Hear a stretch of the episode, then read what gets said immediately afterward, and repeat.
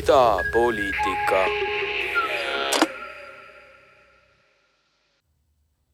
ja tere tulemast tagasi Idapoliitika saatesse. mina olen Mats Kuuske, ma olen siin Telliskivi stuudios ja minu teine saatejuht Mariann on Londoni avarustes ilmselt tegemas midagi ka filmidega seoses, mida ta seal õpib aga täna me ei räägi ainult Ukrainast, me räägime ka muudest teemadest ja meil on kaks väga huvitavat ja toredat saatekülalist, üks on siin kohapeal, keda ma kohe tutvustan. Äh, ja ma loodan, ma loodan rääkida ka äh, just Eesti prokuratuurist ja Eesti, Eesti õigusriigist täna. Äh, ja lisaks sellele ka ühest erakonnast, mis, kus sel, sel nädalal oli, oli palju arenguid. et minu külaline, kes minu siin kõrval istub, on Lavly Perling, tere tulemast. tere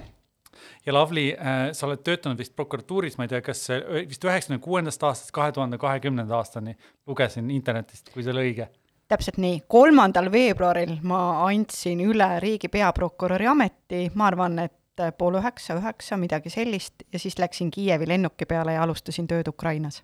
ja, ja lisaks sellele sa oled ka Isamaa erakonna ekspert, sellest me saame rohkem teada sellest erakonnast, sest paljudel inimestel on raske üldse mõista, mis, mis seal toimub, aga saame targemaks loodetavasti. ja hiljuti nüüd ka Ukrainas oled, oled olnud, et ma loodan, et, et me jõuame kõigest natuke rääkida, igatahes väga tore, et sa siin oled. ja esimene küsimus, mis mul sulle on, on, on ikkagi need sinu võib-olla meenutused just üheksakümnendatest ja kahe tuhandetest aastatest, et kui sa alustasid äh, prokuratuuris, siis Eesti oli väga erinev riik, et meil oli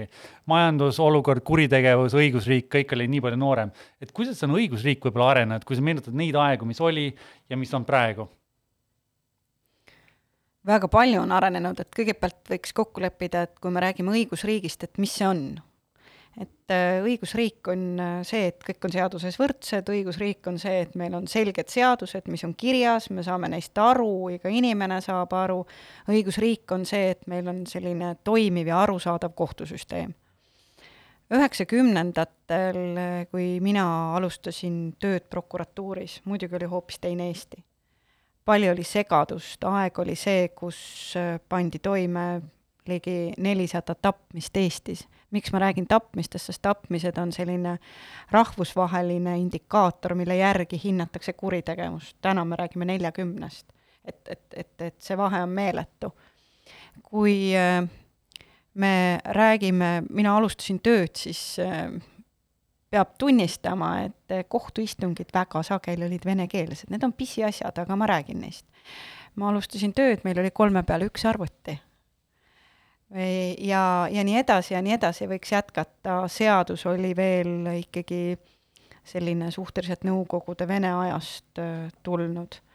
kui me vaatame tänast päeva, siis täna me räägime, et et eh, kas menetlus peab olema täiesti digitaalne või võib veel paberit kanda, me räägime sellest, et mitte kuudest ja aastatest menetluse puhul, ka neid üksikuid juhtumeid on, muidugi ma tean, aga ärme sellesse laskume, et eh, kiirus, selgus, riik räägib oma inimestega, et see kõik on väga-väga muutunud. Mm.. aga kui me, kui me vaatame praegu, mis on see õigusriigi indeks, mida teeb maailma justiitsprojekt, eh, Rule of Law Index inglise keeles, et saja kolmekümne üheksa riigi seas üheteistkümnendal kohal. et kas me võime öelda, et meie õigusriik on mõnes mõttes nagu valmis, et me võiks ju väga rahul olla sellega, mis on? õigusriik ei saa kunagi valmis, õigusriiki tuleb hoida, iga päev hoida ja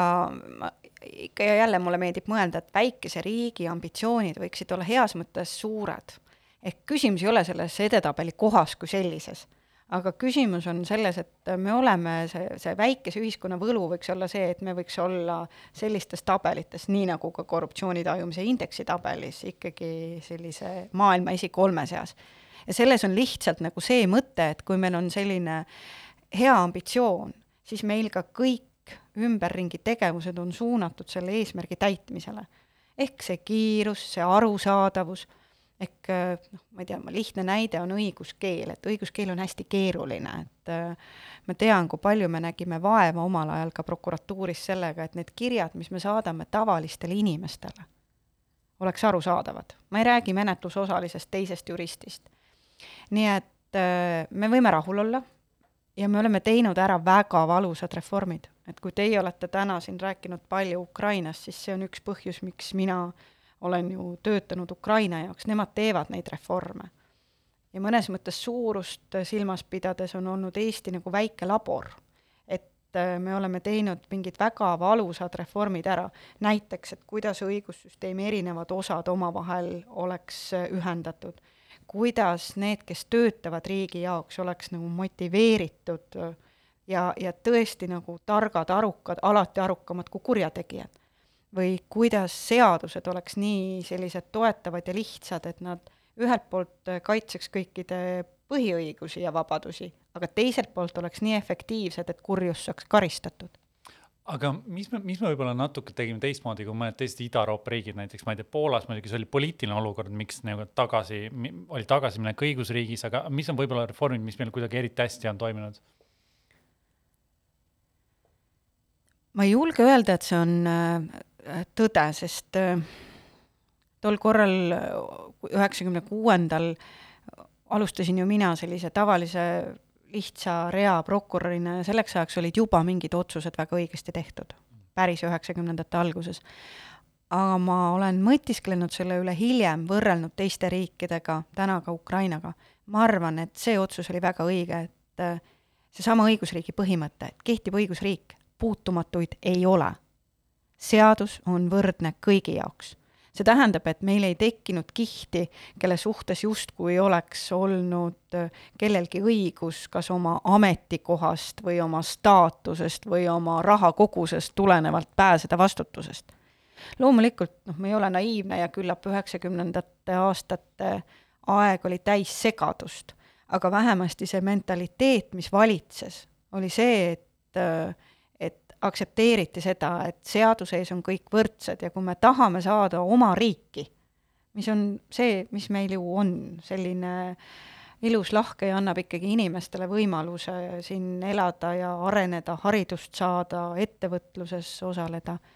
ja kui me vaatame natuke erastamist, siis eh, Eesti see vaade, et me erastame kõik ja me väga palju erastasime välismaale ettevõtteid, et meil tekkinud oma oligarh, et see ka kindlasti aitas, aitas kaasa sellele. just see oligarhide teema ongi, et eh, see oligarhide mittetekkimine, see, et, eh, et erastamise puhul aktsepteeriti just nimelt vaba turumajanduse põhimõtet. et need olid, ma arvan, kõige olulisemad alustalad toona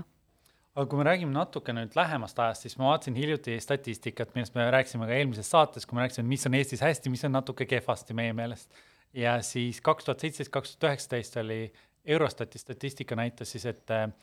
Euroopa riikide vang, vang, vangide arvu, arvu järgi, et algus, kus on kõige rohkem vange, oli Leedu, Tšehhi, Eesti, Poola, Slovakkia, Läti, Ungari, peaaegu kõik Ida-Euroopa riigid ja lõpupoole siis äh,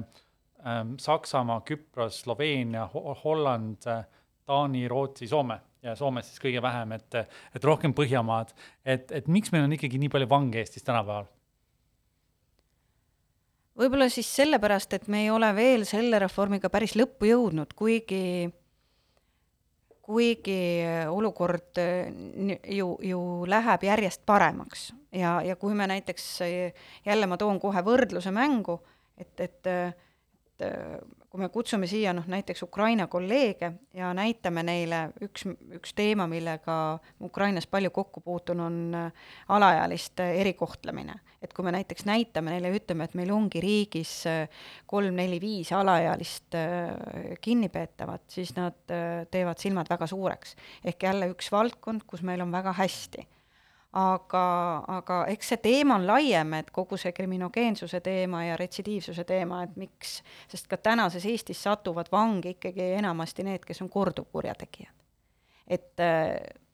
et see on ilmselt põhjus, et me ei ole selle probleemiga juurteni jõudnud veel ja kindlasti ja seal on ka muidugi see, et pikas perspektiivis, isegi kui me seda parandame, siis ebavõrdsus on ka, et kui see on väga suur, siis tekib jällegi rohkem kriminaalsust. aga ma tahaks korra küsida veel ühe teema kohta, mis on vihakõne, et äh, vihakõne Euroopa Liidu rikkumismenetlust, äh, et see, see on üks asi, mida Eesti ei ole nagu väidetavalt ikkagi päris korralikult üle, üle võtnud Eesti seadustesse. et miks, miks on sellele nii suur vastuseis olnud, miks see, miks seda ei ole tehtud? ja, ja siin võivad ka olla poliitilised põhjused puhtalt. minu, minu, minu isiklik arvamus on, kusjuures see arvamus oli mul nii riigi peaprokurörina, prokurörina kui ka on täna sama arvamus, on, on see, et et äh, küsimus ei ole mitte selle Euroopa direktiivi ülevõtmises ja kogu selle temaatika diskussiooni puhul on probleem kommunikatsioonis ennekõike. ja kommunikatsioon tuleb omakorda sellest, et, et me vaidleme selle üle, kas võtta direktiiv üle või ei, kuigi asja iva on selles, kas vihakõne on taunitav ja kas see on karistatav ja kas me suudame inimesi selle eest vastutusele võtta. kui te küsite minu käest, kas vihakõne eest peab inimesi vastutuse võtma, siis ma ütlen jaa. Ja, ja see on täitevvõimu ülesanne. Me võimegi jääda lõputult arutama selle üle, et kas seadus on piisavalt selge või ei ole piisavalt selge, siis tuleb seadus korda teha, kui seadus ei ole selge. aga et see, ühiskonnas algavad sealt muudatused, et äh, kui me midagi peame valeks ja me tahame, et see nähtus ei leviks, siis tuleb, äh, vabaduste kõrval on alati vastutus et siis peavad inimesed sellest vastutama ja ma ei taha mitte kuidagi aktsepteerida seda seisukohta, et praegu ei saa inimesi vastutusele võtta. saab küll. aga teie meelest ikkagi see, põhimõtteliselt see meie olukord on enam-vähem vastav Euroopa Liidu seadus, seadusele? Jaa, ma olen seda ka öelnud, et äh, ma möönan, et äh, seal peaks äh, selgitama Euroopale ja ma, ma julgen isegi öelda, et juba selle rikkumismenetluse alguses võib-olla tulnuks seletada laiemalt meie seadusandlust, et jah, et see, et meil ei ole konkreetseid võib-olla selliseid sätteid, mis sealt direktiivist sõna otseses mõttes nagu tulevad, siis läbi meie koodeksite üldosade, läbi meie seaduse loogika on võimalik inimesi karistus, karistada ja vastutusele võtta. ma ei ole ise üldse ekspert sel teemal, et see oli täiesti äh, luge-, lugeja küsimus nii-öelda, aga mis ma tahtsin küsida, et, et kas te teate muidu, kas selle, selle viha, selle sarnaseid kaasusid on, kus inimesi on vastutusele võetud, nad on saanud karistuse? ja neid on ja need on üksikud juhtumid ja ka see diskussioon, et aga miks neid Eestis nii vähe on on nagu selles mõttes selline huvitav diskussioon, et siis võiks ju retooriliselt vastu küsida, et aga kas me tahame, et meil statistika oleks lihtsalt selline, et meil oleks neid rohkem. et mulle meeldib asju lahendada noh, selliselt, et me lahendame asja päriselt. ja kui me tahame, et ühiskonnas on vihakõnesid vähem, siis äh, selleks on teised lahendused kui pelgalt nagu selline vastutusele võtmine. ja, ja vot, vot, vot nende asjadega tuleks nagu tõsiselt tegeleda teeme vahepeal väikse muusikalise pausi ja siis me jätkame ka poliitikaga rohkem ja räägime Isamaa erakonnast ja natuke tulevikust ja üldse, miks olla poliitikas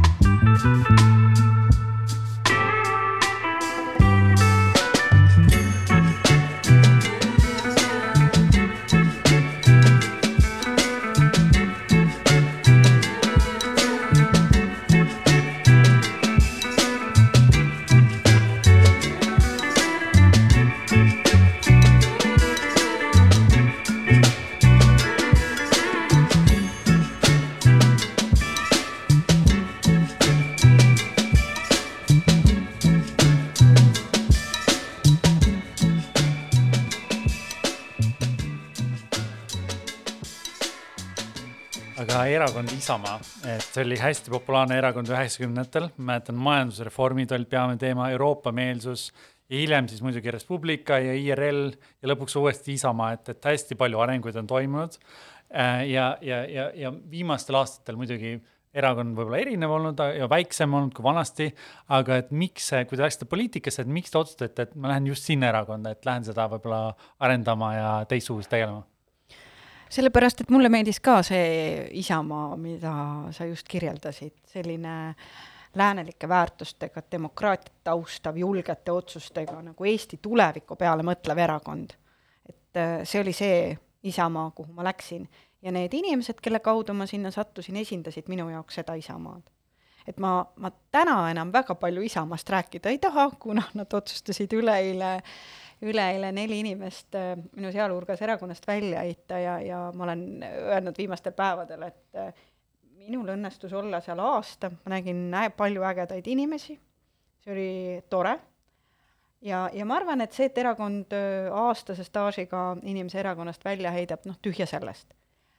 aga mis näitas, et need väärtused on kadunud.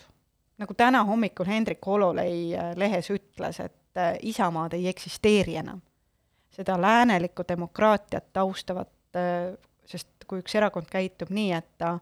heidab enda hulgast välja mehed, targad mehed, noored ägedad mehed, või, või, või Siim Kiisler, kes on kolmkümmend aastat erakonnas olnud, siis see ei ole jätkusuutlik. ma korra lihtsalt annan äh, kuulajatele täisinfo, kes ei ole seda võib-olla jälginud meediast, et, äh, et sel nädalal tõesti visati Kristjan Vanaselja, äh, visati teid koos Kristjan Vanaselja Siim Kiisleri ja Tõnis Konsiga erakonnast välja ja enne seda mainis Tõnis Palts ka Facebooki kommentaaris, et teie isiku ja Tõnis Konsi isiku vahel olete tegemist Putini ja Lavroviga. et kumb te siis tema meelest olite või seda peaks temalt küsima, et, et kust tulevad sellised mõtted ja inimesed, et seda on hästi raske aru saada. Need on ju väga rumalad mõtted loomulikult, et ma üldse ei taha sellel teemal peatudagi, sest äh, sellist tänases situatsioonis, kus me oleme, nagu võrrelda teisi inimesi, ehk mina, kes ma olen, töötan praegu Ukraina jaoks ja, ja ja teen seda südamest ja ma tean, et need inimesed, kes Ukrainas on, need hindavad seda, et üks inimene võtab kätte, need ei ole muideks ainsad sõnad, et et mees, kes on seal, ma ei tahaks talle kuidagi reklaami teha, aga kui inimene nimetab teisi inimesi terroristideks, Putiniks, varasteks, pättideks, korruptantideks, et siis istuda selle mehega seal ühe laua taga ja, ja lõppkokkuvõttes me arutame minu küsimust, kuidas me oleme nagu Siim Kiiseriga tema au teotanud, see näitab selle asja äh, absurdsust. ja ma ei tahaks rohkem sellel peatuda, pigem ma tahaks jõuda selleni, et see üleeilne otsus oli millegi jaoks väga hea, see tõi selguse, see on tänaseks käivitanud äh, inimesed ja me oleme väga selgelt otsustanud, et need parempoolsed, nii et äh, noored võivad vaadata parempoolsed.ee ja, ja tulla, sellepärast et ma usun, et äh, on, on tekkimas selline väga äge uus äh, poliitiline jõud. milleks ta areneb, kuidas ta areneb, see võiks sõltuda igaühest no ma küsin teilt parempoolsete kohta veel kindlasti äh,, aga ma vahepeal küsin viimase küsimuse lihtsalt äh, Isamaa kohta, ma tean, et te ei taha sellest rääkida, aga ikkagi teie kogemus on väärtuslik äh,. just võib-olla meie kuulajad on lihtsalt üleüldiselt on, on pigem võib-olla nooremad, pigem suhteliselt liberaalsed inimesed Eestis ja meie jaoks ongi võib-olla Isamaa tuumikisikud nagu Helir-Valdor Seeder, Urmas Reinsalu äh,, et nad tunduvad nagu väga-väga konservatiivsed meie jaoks. et, et võib-olla minu küsimus ongi see, et mis nende vaateid kujundab või, või kust sellised nagu inimesed tulevad, et me, meie jaoks on see Eestis on probleem, kõik elavad oma mullis. et ma, ma praktiliselt ei tea kedagi Isamaa valijat näiteks praegusel ajal ja seda ongi, et see ongi huvitav minu jaoks, et et mis, mis nende kahe isiku või sarnaste isikute, ma ei tea, mõtte, mõttemaailma kujundab? mina ei tahaks küll nende mõttemaailma kuidagi tõlkida, et, et et aga eks see ju oligi see väärtuste kokkupõrge meil, et, et konservatiivsus ei ole paha, et konservatiivsus, kuigi need mõisted tänases maailmas on nii muutunud, et sellest ei ole mõtet kinni hoida, aga et kõige lihtsam on nagu väljendada ikkagi seda, et, et konservatiivsus, see on loomulik areng, see on evolutsioon, mitte revolutsioon. ja selles ei ole ju midagi paha, et ühiskond areneb oma, oma loomulikku rada, aga ma ka sellel ei peatuks pigem ma arvan, et äh, sellised, äh, sellised äh, vastuolud võib-olla just nimelt seal tekkisidki, et meie silmis on meie, me oleme isamaaliste väärtustega samamoodi, me tahame, et Eestil läheks hästi, aga me usume sellesse, et Eesti inimeste heaolu alus on majandus. Ehk, ehk, ehk teeme midagi ägedat, kuulame noori, anname eraettevõtlusele jõudu juurde, et kui läheb majandusel hästi, siis läheb kõikidel Eesti inimestel hästi. sealjuures, mis puudutab äh, kogu sellist parempoolset maailmapilti, siis ka kristlik demokraatia näiteks ei ole ju võõras selles maailmapildis, see, et nõrgemaid tuleb aidata või see, et need, kes on äh, abivajajad, neid tuleb toetada, see on ka selline humaanne maailmapildi osa aga võib-olla kui, kui, kui jällegi küsimus on see, et miks mina läksin äh, Isamaasse, siis äh, kui sa oled olnud üle kahekümne aasta prokurör ja kui te mõtlete nende asjade peale, mida ma viimastel aastatel tegin, korruptsioon, organiseeritud kuritegevus, riigivastased kuriteod, siis sa õpid nägema selle riigi ka haprust. ühelt poolt selle rahvuse tugevust, aga teiselt poolt riigi haprust. ja ma teen kõik endast oleneva, olen teinud enne ja teen ka edasi, et see Eesti, mida me ehitame, jääks minu lastele ja lastelastele selliseks ägedaks kohaks, kuhu nad tahavad, käigu ära suures maailmas, vaadaku ringi aga et nad tunneksid, et need juured on siin ja nad tahaks siia tagasi tulla. et see ei ole suletud, kinnine väike ühiskond, see on äge, see on lahe. Te räägite nagu avatud rahvuslusest sisuliselt mõnes mõttes. sisuliselt eks? küll et äh, aga ma küsiks korra äh, veel juurde äh, selle poole, et just, just nagu parempoolsust võib-olla, et ma saan täiesti aru sellest, et üheksakümnendatel oligi vaja Eestis ju majandusreforme, meil oligi vaja ehitada uus majandus, saada jõukaks ja nii edasi. aga praegusel ajal, et, et mida see just, mis, mis on need majanduslikud vaated või kuidas see äh,, kuidas parempoolsed võib-olla võiks iseloomustada, et äh, sest me tegelikult, meil on olemas Reformierakond, kes on tegelikult pikka aega olnud suhteliselt parempoolne ja, ja samas meie riik tegelikult on ka tegelikult suhteliselt parempoolne, kui mõtleme, et meil on ju üha edasi üha rohkem suhteliselt jõukaid inimesi ja keskklassi ja aga meil on ka nagu nii-öelda see Gini indeksit vaadates Eesti ei ole parimas olukorras, et seda ebavõrdsust tekib ka juurde. et kuidas te seal nagu paigutada, mida see parempoolsus tänapäeval tegelikult tähendab? mina ei olnud parempoolsete ühenduse päris äh, algjuurte juures, aga kui ma vaatasin neid, kui nad välja tulid oma manifestiga, siis nad kõnetasid mind kohe. Nad ise räägivad täna, need mehed, kes seal juures olid ja naised, ütlevad, et et neid ajendaski see, et neile tundus just, et Eesti on kaldunud vasakule. et äh, riiki on palju, riik äh, sekkub ka sinna, kuhu ei, ei ole vaja sekkuda, just nimelt need sellised nagu suured reformid, et kõik teavad, et näiteks ma ei tea, tervishoiusüsteem liigub äh, nagu rong vastu kiviseina oma rahastuse mõttes. et selle peaks äh, panema lauale, sellega tuleks tegeleda. et kui me räägime nagu maksudest ja maailmas konkurentsis olemisest, et siis äh, Eesti on olnud tipus, aga, aga, aga praegu, et äh, me konkureerime alati kahele asjale, on talendid ja raha, et kuidas saada maailmast siia neid peakortereid, selliseid ägedaid ettevõtteid, kes tuleks ja tooks siia mõnes mõttes investeeringuid, kapitali, et jällegi see raha oleks siin Eesti ringluses, majandusel läheks hästi ja sellest võidaks nagu inimesed. ja siis oleks meil raha, mida panna kultuuri ja nii edasi, et äh, aga samas me maksustame tegelikult, äh, meil on see ettevõtte tulumaks jätkuvalt on ju null protsenti, kui sa reinvesteerid, aga samas tööjõumaksud on suhteliselt kõrged, et näiteks Just. sotside uus juht räägib sellest, et tööjõumaksud võiks olla madalamad no,, ettevõtted võiks natuke rohkem maksta, mis, mida arvate, mida teie? No just nimelt tööjõumaksud ongi Eestis kõrged, et, et see on nagu huvitav, et loomulikult peaksid need olema madalamad ja ja, ja, ja, ja, ja tulekski võtta lahti, et kahjuks täna ma kuulasin jälle, kuidas öeldakse, et maksudest rääkimine on nagu paha-paha-paha, eriti nüüd sõja ajal. kuulge, just praegu tulebki nagu rääkida sellistest suurtest reformidest, just praegu tuleb mõelda ja avada debattideks kõik teemad ja öelda, et tabusid ei ole sellepärast et maailm on pöörases muutumises. pärast kahekümne neljandat veebruari ei ole enam maailm samasugune, nagu ta oli enne seda sellega, sellega ma olen väga-väga nõus, minu meelest Eestil ongi vaja nagu uut, uut plaani või uut visiooni ja hästi julget ja vaadata lihtsalt üle, et kas meie see, see, mis mind edasi viib, on sama. ja kõik... ma arvan, et mina ütleks, et esimene asi, mis oleks vaja, oleks see, et et eh, poliitikud saaks kokku ja ütleks, et me ei võtaks populiste enam valitsusse, sest praegu me, praeguses olukorras me ei saa seda enam lubada. aga see ongi, see ongi see, miks me võib-olla eile kõik äh, hommikul ärgates kergendatult hin-, hingasime, sest me saime aru, et äh, nüüd on meie võimalus. et me ka eile ütlesime välja, parempoolsed ei ole peagi enam Isamaa erakonnaga üldse seotud, nad moodustavad iseseisva jõu ja see annab võimaluse, jälle ma kutsun kõiki noori, minge vaadake, piiluge sisse parempoolsed.ee, vaadake, kes me oleme, kuidas me mõtleme, kirjutage, tulge liituge. sest fakt on see, et sõna erakond kõlab kuidagi nagu halvasti.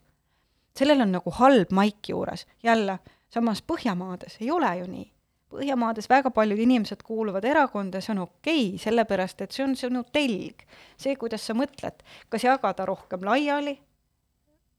ühiskondlikku väärtust või tekitada seda juurde, ehk, ehk kõik see parem-vasakpoolsed debatid, las inimesed on vabad valima, kus nad on, aga fakt on see, et riike ja Eesti oma riiki me jääme ka juhtima veel, ma loodan, aastasadadeks ja sadadeks sellesama demokraatia põhimõtte järgi, kus erakonnad juhivad riiki. mida kvaliteetsemad on inimesed, kes erakondadesse kuuluvad, seda kvaliteetsemad on otsused, mida kvaliteetsemad on otsused,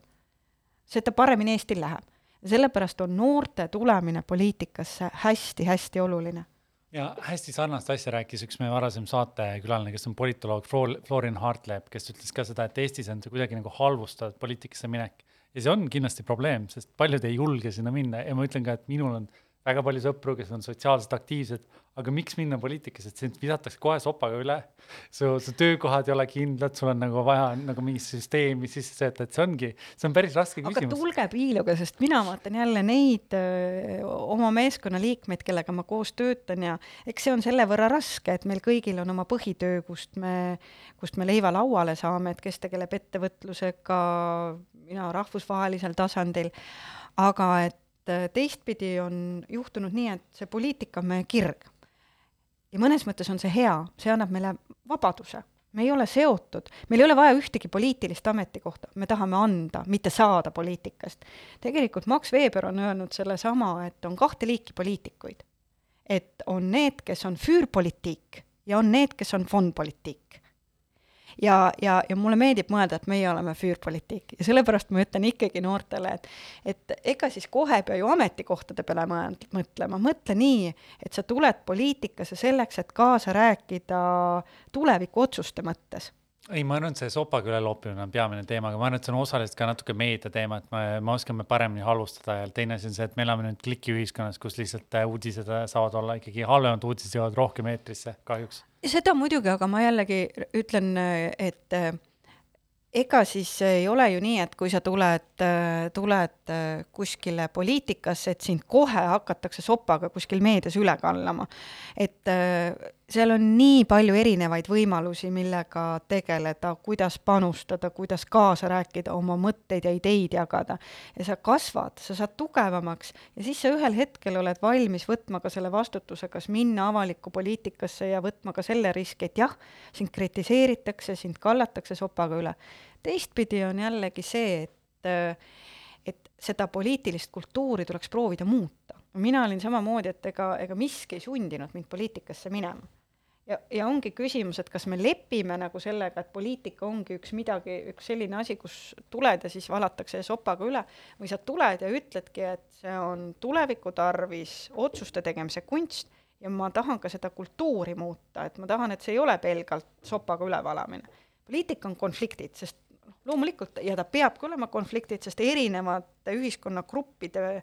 arvamuste pinnalt ju tehakse otsus tuleviku jaoks. ja selles mõttes see on üks asi, mida mina olen natuke tähele pannud, kui üheksakümnendaid võrrelda tänapäevaga, siis üheksakümnendatel tehti hästi palju julgeid otsuseid, aga tegelikult äh, meie kodanikuühiskond oli väga nõrk tol ajal. ja, ja seal oli ka see aspekt, et, et tegelikult paljud otsused tehti nii, et ühiskond sai alles hiljem aru, mis toimus. et, et praegu on, praegu see ei ole enam võimalik ja võib-olla sellepärast on ka nii palju suuremad vaidlused kogu aeg ühiskonnas üleval jaa, aga ega siis need vaidlused, diskussioonid ja, ja arutelud, et äh, need viivad edasi. võib-olla mis on poliitika probleem, ongi see, et äh, kui poliitikutel kaob ära see julgus teha otsuseid Eesti jaoks ja hakatakse tegema otsuseid äh, pelgalt sellistest erakondlikest otsustest lähtudes, vot siis tuleb, võib väga kergesti tulla mängu populism või siis sellised nagu naeruväärsed otsused, mille taga otsust ei ole et see julgete otsuste tegemine peaks olema see, mis tõstab poliitika kvaliteeti. Ja julgeid otsuseid saab teha siis, kui sul on nagu infot, sa saad aru, kuidas ühiskond toimib. Ja, ja, ja jälle ma jõuan selleni, et äh, ega võib-olla juba sellised äh, viie-kuuekümneaastased inimesed, kes ongi harjunud selle ühiskonnaga, nendel ongi vähem võib-olla pakkuda selliseid heas mõttes hulljulgeid kastist välja lahendusi. jälle me jõuame selleni, et selleks, et oleks nagu tulevikku tehtavad otsused ägedad Eesti jaoks, selleks on noori vaja ei, sellega ma olen väga nõus, et meil on, et head poliitikat vaja, siis peab natuke rohkem julgust olema inimestel seda katsetada äh,. mida ma tahan teilt kindlasti küsida, mis on paljude suur küsimus, on see, et meil on Eesti kakssada erakond äh,, mis on väga väikese aja jooksul väga suure toetuse saanud. Paljud inimesed ei ole ka võib-olla ennast tõestanud veel kindlasti, et see ootab veel ees. et mis te arvate Eesti kahesajast ja kuidas ta erineb äh, parempoolsetest? esimene erinevus on äh, täna see, et ma arvan, et parempoolsetes on väga palju sellist äh, sellist vaimset kapatsiteeti või tarkust, kindlasti on seda ka Eesti kahesajas, aga see, mida ma näen äh, parempoolsetes, ongi see tarkuse olemasolu ja, ja, ja ka julguse olemasolu.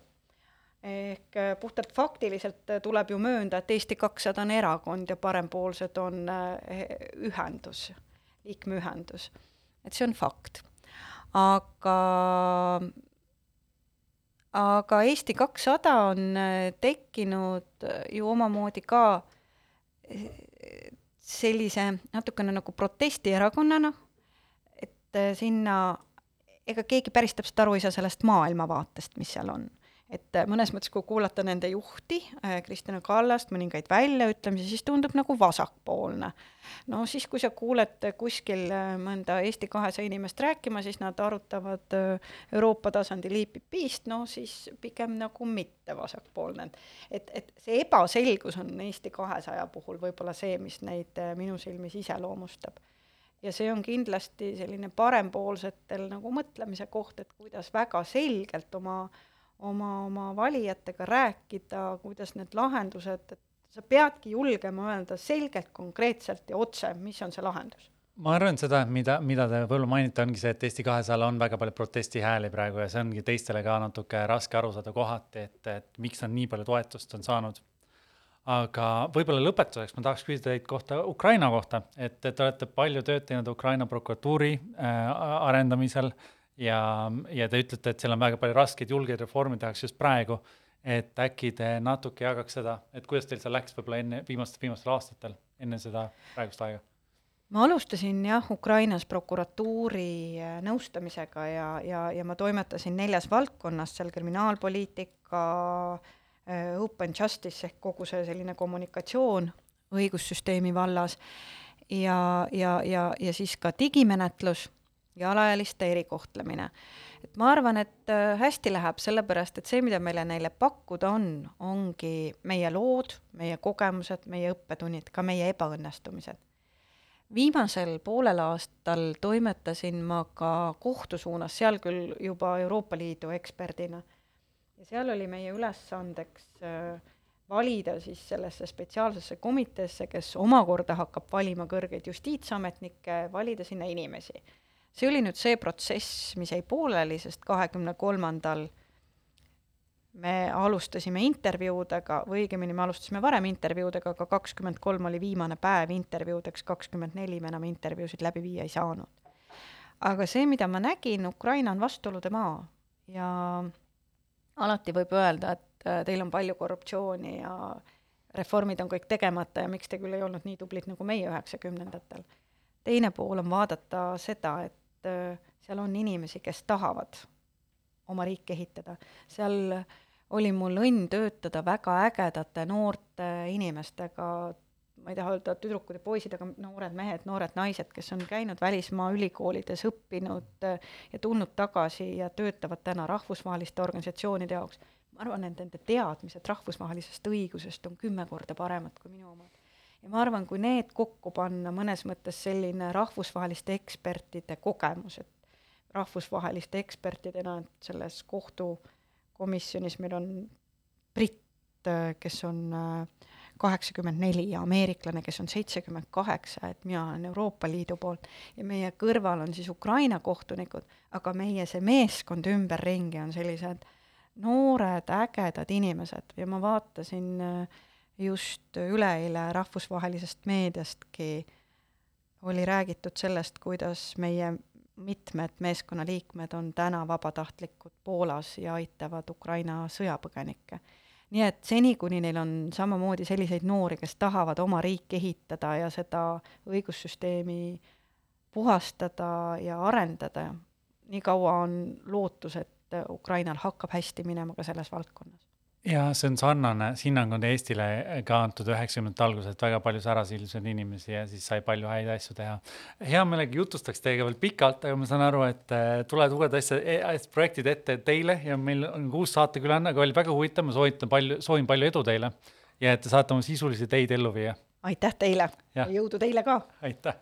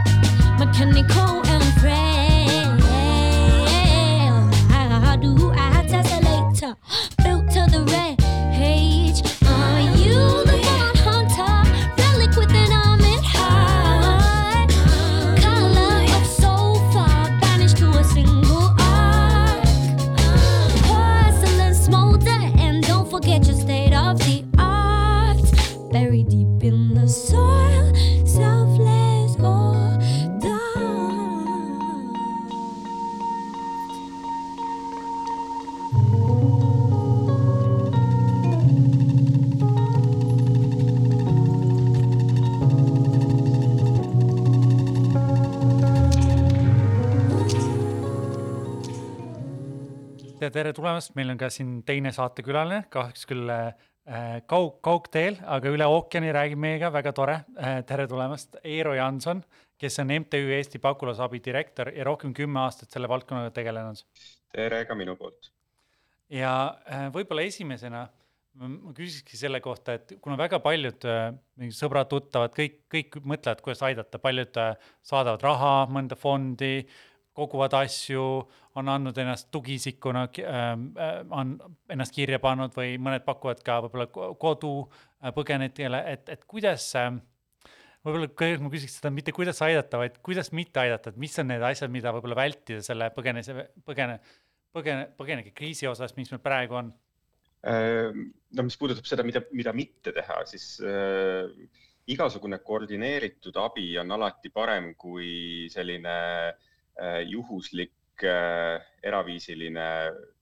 asi, et me saame palju asju ära teha muidugi siin Eesti sees just nimelt selliste väikeste äh, eraisiku poolt tehtud väikeste asjadega äh, küll aga kindlasti kutsuks inimesi mitte näiteks üles äh, nädalavahetusel sõitma äh, Poola piirile, et sealt siis äh, inimesi peale võtma, et sellised asjad peaksid alati toimuma koordineeritult. me saame tohututes kogustes praegu kõiksuguseid abipakkumisi, me töötame neid süsteemselt läbi. kohe, kui, kui mingisuguse pakkumise vastu on vajadus, võtame ka inimestega ühendust, teeme seda nii-öelda match imist või kokkuviimist, et, et see õige abi pakkumine jõuaks siis abivajajani. ja, ja seda tööd ikkagi saabki teha ainult äh, süsteemselt, et, kui kohe, kui me hakkame niimoodi hästi äh, nii-öelda juhuslikult neid samme tegema, et siis, äh, siis noh, jah, siis, siis tegelikult meil tekivad suured äh, augud, et need inimesed, kes tegelikult vajavad, jäävad sellest ilma või siis tekib ka dubleerimine, et, keegi saab, saab kaks asja ja keegi teine siis jääb üldse ilma ja see probleem on vist ka see, et nii palju müra on praegu lihtsalt kõikidele inimestele, et keegi ei suuda orienteeruda, et seda on hästi palju on ka näiteks inimesi, kes või organisatsioone, kes kogu aeg mingit infot või jagavad ja siis ei ole alati värske ja nii edasi, et. et, et ma olen hästi nõus, et see koordineeritus on, on väga oluline. Ma lihtsalt mainin seda, et, et Eero, sa oled vist ka väidad ainukene inimene Eestis, kes on õppinud, teinud magistrikraadi humanitaarabi teemal, et, et äkki sa räägid mm. natuke, natuke sellest? Äh, ja eks noh, minu teada vähemalt äh, äh, humanitaarabi on hästi spetsiifiline valdkond, et ta on ütleme, humanitaarabi põhimõte on ju see, et ta siis, kui riigi võimekus kriisile siis reageerida lõpeb äh, ja, ja see auk, mis jääb siis selle võimekuse ja vajaduste vahele, seda siis humanitaarabi äh, raames täidetaksegi. ja see on paljuski selline riik riigis. Äh, neil on omad sellised koordinatsioonimehhanismid, põhimõtted, kuidas toimetatakse ja nii edasi ja nii edasi, et see on, see on väga selline keeruline, keerulise sisestruktuuriga äh, Äh, maailm, äh, kus on väga palju erinevaid tegutsejaid, alates siis ÜRO äh, erinevatest ametitest, Punasest Ristist kuni siis väga-väga paljude rahvusvaheliste ja kohalike selliste non-profit või NGO-deni. nii et, et kogu see jah, see, see maailm on, on keeruline ja, ja vajab sellist ikkagi paljuski ka eriteadmisi selleks, et, et selles siis õigesti tegutseda ja koordineeritult tegutseda ja ma ise õppisin ülikoolis natuke ka arengu, arenguabiga seotud teemasid ja just mhm. see, sa rääkisid varem koordinatsioonist, aga, aga hästi palju on ka see, et lihtsalt need projekti, projekt, kuna see on nii projektipõhisus, see on hästi lihtne jah, seda võib-olla äh, nii-öelda peaaegu et isegi kahju teha, sellepärast et sa võid riigi, riikidel, mis on hästi nõrgad, et neil on nii vähe kapatsiteeti ja sa võid seda rohkem kohati kulutada või siis samamoodi, kui are-, kui organisatsioonid võtavad mingid, mingid rollid üle, et nad hakkavad, ma ei tea, mingit kanalisatsiooni ehitama või siis harjutakse sellega ära, et nad teevadki seda. ja mingi hetk kaob see jälle ära, et seal on nii palju vastuolulist ka, mis, mis sellega seondub. muidugi on äh, ja noh, muidugi ka see, see joon, mida me tõmbame arengukoostöö ja, ja humanitaarabi vahele, on, see on selline hägune, hägune joon sama, äh, sageli. et kui me praegu räägime Ukraina olukorrast, siis Ukraina on väga pikalt olnud äh, Eesti arengukoostöö üks selliseid peamisi partnerriike aga samal ajal paralleelselt, eh, kuna on siis viimased seitse pool aastat on või noh, tegelikult juba kaheksa aastat on olnud seal eh, sõda, see mis juhtus siin veebruari lõpus, ei ole selles mõttes uus olukord, see oli vana sõja eskalatsioon hoopis teises mastaabis. Ehm, aga jah, meie oleme ju pagulasabina Ukrainas kohapeal juba tegutsenud seitse pool aastat ehm, ja just nimelt humanitaarabi vallas peamiselt, mingil määral ka arengukoostöö vallas aga juba jah, see, need mõisted, mida me seal kasutame ja, ja ka need põhimõtted, millest me siis lähtume äh,, ütleme, humanitaarabi printsiibid ikkagi näevad ette alati neutraalsust ja, ja sõltumatust, samas arengukoostöö on alati natukene politiseeritud ja, ja, ja rohkem selline tingimuslik kui, kui humanitaarabi. humanitaarabi vallas alati esikohal on inimeste vajadused, kannatuste leevendamine ja seal me peame alati jääma täiesti neutraalseks, et meie ei saa näiteks selle konkreetse sõja puhul valida osapooli või, või toetada kedagi näiteks sõjaliselt, see on alati suunatud ainult kõikidele, kes, tsiviilisikutele, kes, kes on kannatanud ja sa ise mainisid varem, et, et Eesti meediasse on ka võib-olla natuke vähem olnud fookus sellele, et, et mis, mis Ukrainas toimub just selle vaatenurgast, et mida abiorganisatsioonid nagu näiteks ka Eesti pagulasabi. et mida te seal praegu teete, et reaalselt et inimesi aidata, et, et abi ja ma ei tea ter,, tervishoiu aspektid ja toit ja mida kõike sinna saadetakse või kuidas inimesi aidatakse, et see sinna jõuaks. et, et mis on, mis on need asjad, millest me tegelikult väga ei, väga ei tea, mida just pagulasabi praegu Ukrainas teeb kõige rohkem ja eks me räägime võib-olla rohkem nendest äh, põgenikest, äh, keda on juba üle kahe miljoni, kes on Ukrainast äh, lahkunud ja me täiesti hea põhjusega sellest räägime, see on, see on tohutu humanitaarkriis, mis on just nimelt selles Euroopa poole peal nii-öelda tekkinud, kus inimesed on lahkunud. aga, aga samal ajal mõistagi vajadused, humanitaarvajadused Ukrainas kohapeal on tohutud. nagu ma ütlesin, siis meie oleme seal tegutsenud seitse pool aastat eks me tunneme seda piirkonda väga hästi, peamiselt me oleme varasemalt, äh, meie staap on olnud siis Zaporižžjas ja on jätkuvalt. Äh, Zaporižžja on praegu muutumas rindelinnaks. varasemalt oleme tegutsenud peamiselt Donetskis, Luhanskis.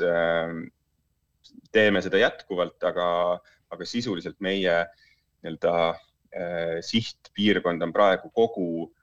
Ukraina idapoolne osa Äh, alates Kiievist kuni Mõkolaivi, Harkivi, Tšernihivi, äh, Hersonini. Äh, et see, see piirkond väga lai. mida me seal pea, peamiselt hetkel teeme, on kaks asja, et esiteks me anname sellel on eesti keelde on seda raske panna, see on multipurpose cash assistance, see on see tehniline termin, ehk siis me tegelikult anname vajaduspõhist rahalist abi tsiviilisikutele, kes seda kõige rohkem tol hetkel vajavad senikaua, kuni turud eh, toimu, toimivad, ehk siis inimestel on võimalik poest osta eh, toitu, hügieenitarbeid, kõiki selliseid nii-öelda baasvajadusi täita kohalikes poodides, senikaua me teeme seda just nimelt rahalisel viisil, sest siis saab inimene soetada just nimelt neid asju, mida tal kõige, kõige rohkem vaja on. me teeme seda peamiselt sihtgrupile, kes on kas oma kodust ilma jäänud, kes on saanud vigastada selle sõja tõttu või kes on kaotanud äh, mõne pereliikme. Äh, ja, ja tegutseme jah, kokku praegu kaheksas oblastis. Äh, meil on ligi tuhat inimest, kellele me juba Eesti annetajate toel siis oleme saanud seda tuge anda. samal ajal paralleelselt toetame ka haiglaid neile siis vajalike meditsiinitarvikutega ja ka neid soetusi me teeme siis Äh, sealt Ukrainast koha peal jällegi, et niikaua, kuni turud toimivad, me jätame selle raha äh, Ukrainasse. et tegelikult on, noh, mäletan ka seitse pool aastat tagasi, kui me esimest korda selle Ukraina heaks äh, kampaania algatasime, siis ja kogusime just nimelt raha, siis oli hästi palju neid küsimusi, et aga mul on vana või kasutatud talvejope või kasvõi ma ei tea, talvesaapad, ma tahaks neid saata. ja üks ikkagi humanitaarabi sellistest no mitte otseselt põhimõtetest, aga headest praktikatest on see, et niikaua, kuni me saame ikkagi toetada seda riiki ja, ja lühendada neid tarneteid nii lühikeseks kui vähegi võimalik, siis teeme seda, et ärme äh, siis vii transpordi asju väga kaugele, mis on väga kulukas ja aeganõudev ja, ja tegelikult me alati ei saa ka tagada, et neid täpselt, neid konkreetseid, seda jopet ja neid saapaid on vaja. Äh, Ukrainas. ja vahest on ka see, nende saabaste viimine on kallim kui uued saapad osta ja, ja, ja ma saan aru, et Aafrikas on ka see probleem või olnud vahest, et, et see suretab mingeid kohalikke tööstusi välja, kui lihtsalt vanu riideid saadetakse kusagile. aga, aga ma küsiks korra veel natuke ka Donetski ja Luhanski kohta, et, et need on, need on kohad, mis on maailmale suhteliselt suletud, aga te olete seal tegutsenud, et kuidas võib-olla tavainimese elu on seal natuke erinev olnud kui Mariupolis ja ma räägin nüüd enne sõda, enne sõja ajal Äh, meie oleme äh, ikkagi läbivalt tegutsenud ainult äh, Ukraina poolt kontrollitud Luhanski ja Donetski oblastite aladel. sealhulgas Mariupol näiteks, aga ka need Donetski äärelinnad, mis on vahetult siis nii-öelda rindelinnad olnud juba kõik need väga-väga paljud aastad nagu Krasnohorivka ja Avdivika ja, ja Marinka ja nii edasi. ja meil puudub tegelikult ligipääs väga vähestel eh, Euroopa organisatsioonidel, eh, mõnel üksikul on olnud eh, teatav ligipääs sinna valit-, Ukraina valitsuse poolt mitte kontrollitud aladele, kus see elu ongi teistsugune. viimased kaks aastat on olnud ka piir nende nii-öelda rahvavabariikide vahel ja Ukraina vahel on olnud kinni tulenevalt siis Covidi piirangutest, aga, aga noh, mõistagi tegelikult ka poliitilistel põhjustel. aga samas muidugi mingil, mingil perioodil on see elu olnud seal ka mingil määral normaliseerunud selles mõttes, et inimesed on saanud piiri ületada, kellel on siis olnud seal kodud ja kes ei ole kartnud sinna naasta aga jah, see, see ülevaade tegelikult eh, meil siin humanitaarabi maailmas, mis seal teisel pool on, et kõik need aastad toimunud ongi tunduvalt vähesem ja ka ÜRO-l on väga-väga vähene äh, ligipääs olnud sellele nii-öelda nendele rahvavabariigile või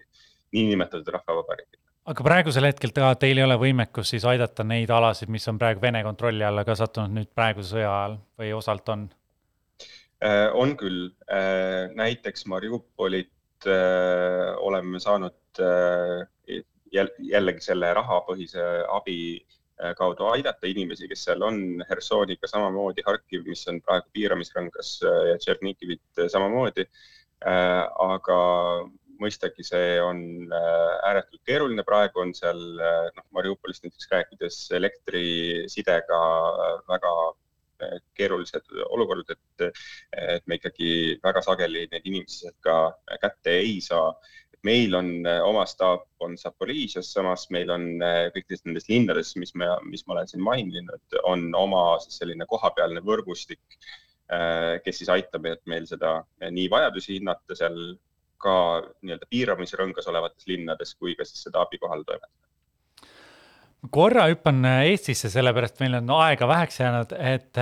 Eesti ei ole ka sellist põgenike hulka võtnud vastu äh, vist mitte kunagi võib-olla, me oleme kunagi, ma ei tea, palju on üldse Eestisse tulnud põgenikke, on vanausulised on tulnud siia, tulevad meelde, aga, aga peale selle võib-olla eelmisest nagu Araabia kevadelainest ja Süüria sõjalainest ikkagi väga vähesed jõudsid Eestisse. et, et nüüd tundub, et meil on kümme tuhat inimest võinud siin kohal või juba veel rohkem ja neid sellest kümnest võib saada kakskümmend tuhat või kolmkümmend tuhat või, või rohkem. et, et kui, kui nüüd mõelda selle vaatenurgast, et, et, et kuidas seda nagu kõige nii-öelda seda efektiivselt majandada just riigi vaatenurgast, et, et ei tuleks suuri probleeme, et inimesed saaks endale kodud ja saaksid tööle ja ei tuleks, noh, et me suudaks seda hallata hästi. et mis on need õppetunnid, mida, mida sa meile annaksid või soovitused? see on tohutu väljakutse nii riigile, kohalikele omavalitsustele kui ka nendele vabaühendustele, kes selles sektoris äh, töötavad. Äh, kõik annavad oma parima, mul selles mõttes ei ole üldse kahtlust Äh, need arvud äh, mõistagi suurenevad, me ei tea, kui kaua see konflikt äh, kestab, seda on võimatu hetkel ette ennustada, et mis hetkest alates inimestel oleks turvaline Ukrainasse näiteks naasta. Ähm, jah, tõepoolest nüüd, kui oli see nii-öelda araabia kevade ja nii-öelda selle niinimetatud Euroopa põgenikekriisi laineharjal tegelikult Eestisse jõudis ainult paarsada inimest nendest riikidest, kus siis äh, Äh, peamiselt siis Süüriast, kus, kus see sõda oli. Äh, ehk siis sellise hulga inimestega me ei ole varem äh, toimetanud Eestis. siin on vaja väga tugevat kriisijuhtimist riigi poolt, et kohalikud omavalitsused teevad oma osa ja ka täiesti tavalised inimesed teevad oma osa, nii et et see, mis puudutab näiteks majutusvõimaluste pakkumist, siis meie oleme seda kriisi algusest peale kaardistanud. pagulasabi.ee pealkirjas Paku abi on see leht, kus kõik saavad seda ka teha. ja ma arvan, et üheskoos me sellega muidugi toime tuleme ja kindlasti saab siin olema palju-palju õppetunde, vigu siin teekonna peal kõikidel osapoolte poolt, aga, aga lõppkokkuvõttes äh, me ju räägime humanitaarkatastroofist praegu ja, ja meil on vaja äh, ka Eesti riigina siis äh, astuda samm ette ja inimesi vastu võtta ja kaitset pakkuda see on selge, et tuleb, tuleb anda oma parima, aga võib-olla ma küsiks veel, kuna meil on aega jällegi, jällegi vähe, et lõpetuseks siis ikkagi, et, et kuidas siis üksikisikud võiksid käituda, et me enne rääkisime natuke seda, kuidas mitte, et paljud on, paljud inimesed on erinevaid asju teinud, mõned jällegi üritavad Eestis siin käia ja aidata inimestel, kes ootavad, ma ei tea, järjekordades külmas, viia teed või mingeid asju. Ähm, pakkuda neile oma isiklikke esemeid. Äh, mõned inimesed äh, book ivad endale Airbnb-sid Ukraina linnadesse äh, ja siis maksavad selle eest. mina, mina isiklikult, ma tegin esimest korda või nagu ma kui see sõda algas, ma tegin, toetasin pagulasabi ja siis ma tegin ka ülekande Ukraina armeele nagu natuke hiljem, mis neil on konto. et, et kuidas on teie meelest just isik, isikud võiks aidata kõige paremini, kõige efektiivsemalt? noh, kindlasti see annetamine on üks, üks viis, kuidas seda on võimalik teha meie kasutame neid annetusrahasid nii evakuatsioonideks kui ka Ukrainas kohapeal siis humanitaarabi pakkumiseks nagu öeldud, me oleme seda pikka aega teinud, me tunneme seda kanti, me lähtume humanitaarabi printsiipidest, me oleme Euroopa Liidu poolt sertifitseeritud humanitaarabi organisatsioon, nii et ma saan selles mõttes tagada, et, et see abi päriselt ka kohale jõuab. Siis mainitud juba see Paku abi leht on kindlasti üks viis, kuidas inimesed saavad kasvõi majutuspakkumisi meile edastada. meil on küll tulnud tohutus koguses inimesi, kes on astunud ette ja öelnud, et tema tahaks vabatahtlikuks tulla. Äh, ja, ja ka neid pakkumisi me äh, kiiresti läbi sorteerime ja sealt siis inimestega ühendust võtame, äh, kui seda vabatahtlikku rolli on parasjagu vaja. Ja meie poolt vaadates see ongi su suures, suures määras see, mida inimesed, iga inimene teha saab ja muidugi et kui me oma Facebooki lehel äh, nagu anname teada, mida mitte teha, siis, äh, siis on ka hästi tore, kui, kui ka neid nõuandeid järgitakse äh,. aitäh, Eero, nende soovituste eest, ma loodan, et meie kuulajad kõik toetavad ja annetavad Ukraina, Ukraina ja ukrainlaste jaoks praegu äh,. aga kahjuks me peame seekord lõpetama, aga loodame teid taas, taas näha kahe nädala pärast. Aitäh, Eero. aitäh teile